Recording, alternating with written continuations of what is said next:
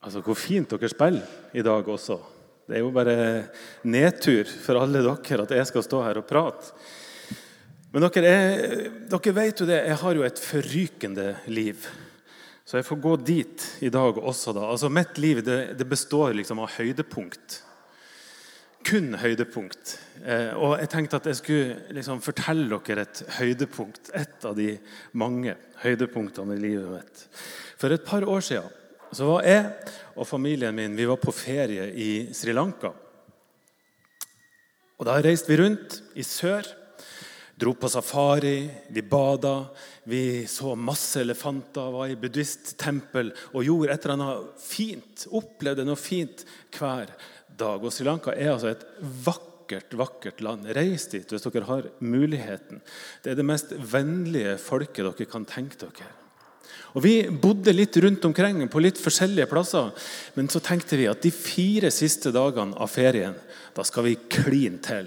Da skal vi se ordentlig, ordentlig ut. Og så leide vi et helt hus som vi skulle ha helt for oss sjøl, rett ved hovedstaden, som heter Colombo. Og på nettet så så bildene av huset det så helt fantastisk ut. Og Det var Liv Berit, kona mi, som hadde booka plassen. Og når jeg booker der vi skal bo, så er jeg ganske nøye.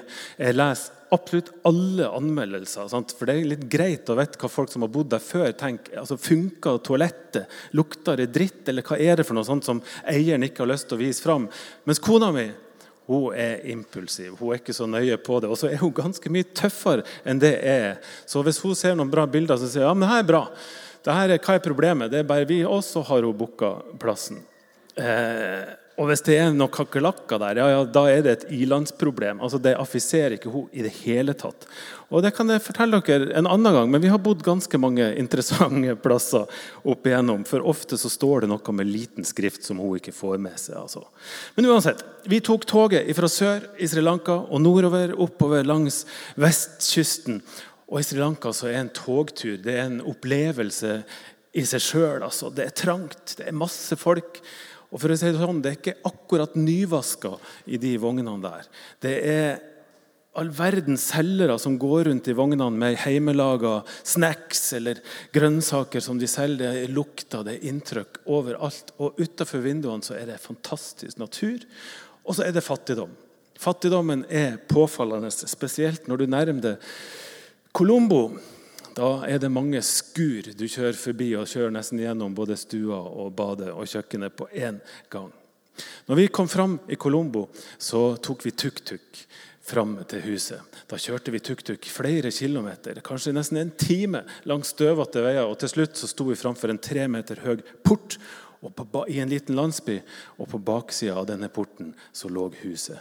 Så gikk porten opp, og tuk-tukene kjørte inn. Og ved inngangsdøra så sto det to karer og tok imot oss. Og De ønska oss velkommen, og så bar de inn koffertene våre og så viste de oss rundt i huset. Og vet dere hva? Det var like fint som på bildene. Altså, Det var helt fantastisk hus. Det var moderne, det var rent, det var fint. Det er mye mye finere enn den leiligheten vi bor i til vanlig på Ekeberg. Og utsikta helt fantastisk utover havet. Og I hagen så var det hengekøyer, det var nyklipte plener og et svært basseng bare for oss. Og De to karene de kom plutselig bærende med en sånn velkomstdrink, så vi sto der og drakk sitronlimonade og i et stort rom midt i huset. Og Til slutt så, så jeg disse to karene inn i øynene og så tok jeg det i handa og sa jeg, takk skal dere ha. Og så prøvde liksom å geleide de av gårde sånn, mot inngangsdøra, sånn at de kunne komme seg av gårde og komme seg ut. For nå var vi bare så gira på å få tatt huset i bruk og få pakka ut. og sånn, Skjønner dere? Og det er altså et kleint øyeblikk i livet mitt. For de ble bare stående. Og så sto de der og smilte og smilte. Og sa ingenting, men smilte. Og vi, de tre ungene mine og kona mi og jeg, vi står og ser på hverandre. Hva er det? Hva gjør vi nå?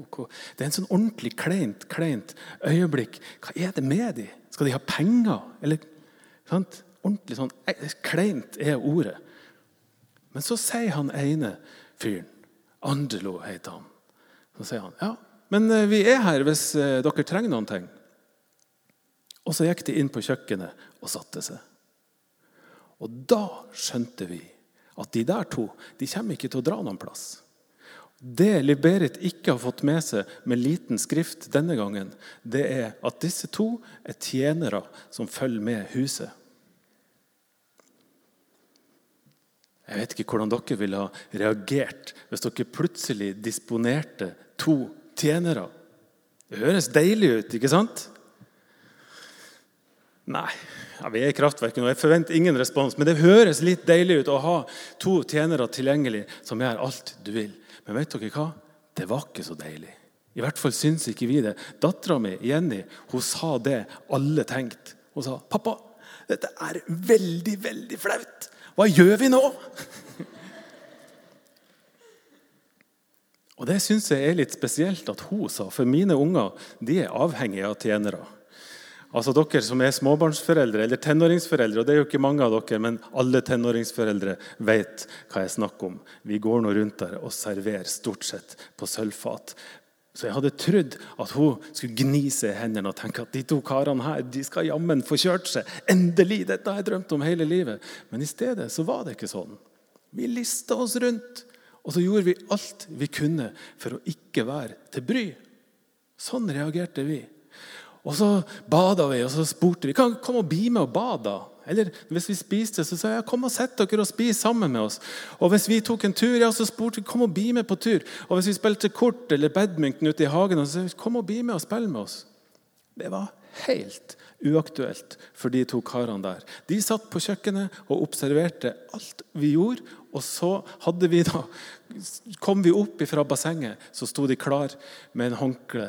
Og hadde vi nå lagt ei T-skjorte på et bord, ja, så var den rydda med en gang. Og sjøl kidsene mine syntes dette var kleint. Det var ei historie fra mitt forrykende liv. Og jeg vil bare si dere, Hadde vi levd på Jesus sin tid, da hadde alt vært annerledes. Da var det helt vanlig å ha tjenere. Helt vanlig å ha slaver, til og med. Så når Jesus fortalte denne historien om forholdet mellom en herre og en tjener, da skjønte alle hva han mente. Dette var dagligdags. Det var en del av dagliglivet. Husker dere hva Sindre leste? Han leste at Jesus sa at sett at du har en tjener som er ute og jobber.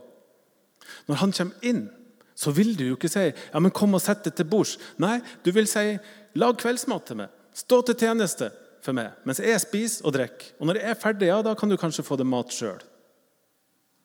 Og tjeneren ja, han kan jo ikke forvente noen takk, sier Jesus. Nei, i stedet skal han si 'jeg har bare gjort det som er pålagt å gjøre'. En festtale av Jesus på gang her. Jeg vet ikke hva dere syns, men, men det er noe provoserende her. Noe veldig sånn ovenfra og ned. Og hva tenker dere egentlig om at Jesus bruker denne Herren som et bilde på Gud? For det gjør han. I våre dager så er dette provoserende. Så jeg tror det er det fordi at vi har bygd samfunnslivet og arbeidslivet på ord som likeverd, likestilling, demokrati. Sånne ord er jo hedersord i vår hverdag. Og Det er jo ingen som vil jobbe uten å få betalt. Vi har altså organisasjoner som kjemper hvert lønnsoppgjør for at hver arbeider skal få lønn som fortjent. Vi kjemper med nebb og klør for våre rettigheter. Og så strever vi for å få de beste jobbene og de beste posisjonene. For der ligger det masse status. Der ligger det masse verdi. Og Jesus han provoserte ofte når han prata. Og jeg ble provosert da jeg leste denne teksten første gangen. Men vet dere hva jeg tror? Jeg tror at de som hørte på Jesus den gang da, jeg tror ikke de ble så himla eh, produsert, skal du høre, provosert. Dette var en del av dagliglivet. De visste at sånn var det jo. Det var helt utenkelig at en slave skulle få lønn. Altså, Det var ingen som fikk lønn som fortjent i den tida der. En slave hadde ingen karrierestiger som en slave kunne klatre. De hadde ingen organisasjoner som kjempa deres sak, men slaven sin verdi og slaven sin identitet den ble definert ut fra hvem som eide han eller hun. Skjønner dere? En slave sin posisjon den var uforanderlig, på godt og vondt. Det som definerte hvem en slave var, det var hvilken herre som eide. prestasjoner og posisjoner og smisking og lønnsforhandlinger det betyr ingenting i Jesus sin tekst.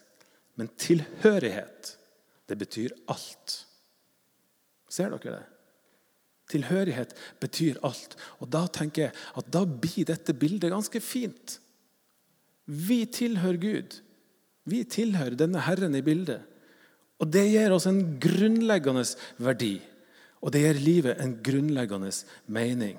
Alltid og uansett. Og For meg i hvert fall så blir det der et befriende og frigjørende budskap. For vi forankrer oftere livet i oss sjøl i det vi får til, i prestasjonene våre, i statusen vår. Det er min jobb å gi livet mening. Det er min jobb å begrunne min eksistens. Det er min jobb å gjøre meg verd å elske.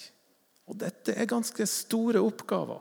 Det er jo ikke rart vi strever og kjemper og syns at det der er vanskelig.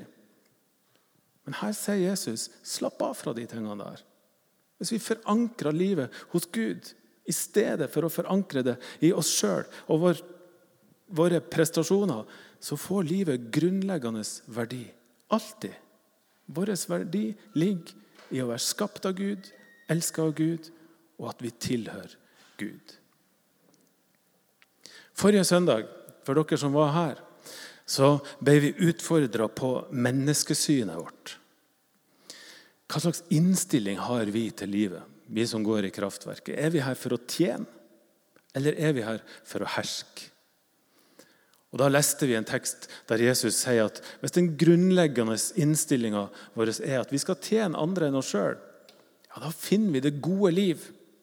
Da skal det gå bra med oss både i livet og i døden, sa Jesus forrige søndag. i den teksten forrige søndag. Men så sa han også at hvis vår grunnleggende innstilling er at vi er størst, vi er herre over alt og alle, ja, da har vi et problem. Det er Gud som er herre. Det er ingen andre. Og I dagens tekst så sier Jesus noen ting om at når vi tilhører Gud, så skylder vi også å tjene Gud.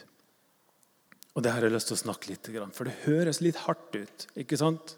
At vi er plikta å tjene Gud.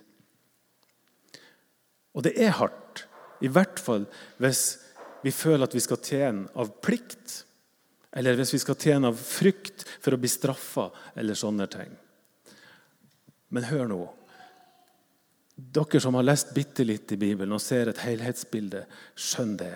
At plikt og frykt og sånne ting det er ikke det som hjelper oss til å leve et kristent liv. Men det er jo kjærligheten som er utgangspunktet for at vi skal tjene Gud, at vi skal tjene kirka og hverandre. Og Den ene tjeneren i Sri Lanka, Angelo, han lærte meg masse om hva det vil si å tjene med kjærlighet som utgangspunkt. Angelo han var på min alder. 200 år, sånn cirka. Og så så jeg at nå sto han ute på kjøkkenet, og så tenkte jeg nei, nå skal jeg ut, nå skal jeg få en prat med denne fyren. Så jeg gikk ut på kjøkkenet og så satte jeg meg. Og med Angelo så var det ganske enkelt å prate, for han var veldig god i engelsk. Og så traff jeg på første forsøk, for jeg spurte hva slags musikk liker du da, Angelo? Og så var han så musikkinteressert. Så det åpna liksom alle dører for meg. Han spilte masse instrumenter, og jeg viste fram at det fins noe som heter Spotify her. Og så fant vi hans favorittartister. Han spilte musikken sin for meg. Og Jeg fikk høre ting som ikke var så bra, synes jeg nå da. men det var noe, i hvert fall ting jeg aldri har hørt verken før eller senere. Og jeg viste han mine favorittting. Og sånn, og der satt vi nå ut på, på det her kjøkkenet. Og han sier ja, men Angelo, kan ikke, du, kan ikke vi gå en tur? Kan ikke du vise meg litt rundt i området her? Jeg har lyst til å se at du skal vise meg. Og så gikk vi ut på gatene. Og så rusla vi rundt der, og mens vi rundsla og prata, fikk jeg høre om kona hans og ungene hans som bodde ganske langt unna. Og om barndommen hans som var prega av ganske drøy fattigdom. Og så oppdaga jeg det, at utafor huset så var Angelo ingen tjener. Det var tydelig at her kom en mann som folk respekterte skikkelig. De rakte ut hender, og de helste på. Og Angelo klappa på ryggen og strøk på kinnet og smilte og var godheta sjøl der han for. Og jeg følte meg skikkelig sånn eh, spesiell, nesten, som fikk gå på sida av han. Jeg syntes det var helt stort. Og På vei tilbake så fortalte han at huset som vi bodde i, det var eid av en lege i Colombo. Dette var feriehuset hans. Og Angelo har fått i oppgave å ta vare på huset, og han skulle ta vare på alle gjestene. Og Så spør jeg men du, Angelo, han her er legen. Er han en bra mann, eller? Og så sier han ja. Han har et hjerte av gull, den mannen. Uten han så har jeg hatt det så vanskelig. Men han tar vare på meg. Han tar vare på familien min. Og vet du hva? Jeg kan gjøre hva som helst for han. Og De neste dagene så Det kan jo hende han later som, men jeg går jo rundt og tenker fortsatt at vi ble venner. vi. For det åpna seg et eller annet forhold mellom meg og han som var ordentlig, ordentlig fint. Og da vi skulle dra, så sa jeg til han som sant var Du, Angelo, det er jo Hvis det er noen her som har et hjerte av gull, så er det altså du. Tusen takk for at vi har fått møte deg, og for at du har tatt så godt vare på familien min her. Vi kommer aldri, aldri, aldri til å glemme disse dagene. Og så sa han noen ting. Da svarte han en ting som jeg har tenkt på mange ganger senere. Først så sa han at det har vært en glede å møte dere også. Og så sa han hvis jeg har gjort dere fornøyd, ja, da blir han som eier huset, så glad. Hørte dere det? Hvis jeg har gjort dere fornøyd, da blir han som eier huset, ordentlig glad. Og uten å vite så tenker jeg at denne flotte tjeneren han satte ord på det som jeg tror er kjerna i det kristne livet. Hans primære motivasjon det var å gjøre sin herre glad. Fordi han elska fyren. Og måten han gjorde dette på, ja, det var ved å tjene oss. Hva tror dere ville ha skjedd med verden hvis alle hadde ei sånn innstilling? Det hadde i hvert fall ikke blitt verre. Det tror jeg vi kan være enige om. La meg nå få avslutte akkurat på samme måte som forrige søndag. Nå har vi starta høsten i Kraftverket. Dette er andre søndag. Og La oss nå komme sammen denne høsten her og minne hverandre på at det gode livet, det evige livet, det må forankres i at vi løfter blikket opp og vekk fra oss sjøl. Vekk fra alt som vi skal prestere, alt vi skal oppnå, vekk fra tanken om alt som skal lønne seg, og heller se ut og bort mot hverandre, sånn at vi dekker hverandre sine behov like mye som vi dekker våre egne. Og på den måten dere, så tjener vi Jesus. La oss komme sammen og minne hverandre på at det er Jesus som er vår Herre. Og Jesus ja, han har virkelig et hjerte av gull. Og vi vi er hverandre sine tjenere. Nå skal vi snart ha nattvær. Og Først så skal Mathias og gjengen spille én av de mange låtene som Neil Young har skrevet, som er fantastisk fint. Og jeg lurer på om jeg ikke måtte vise den til Angelo. Jeg husker ikke det. 'Heart of Gold', selvfølgelig.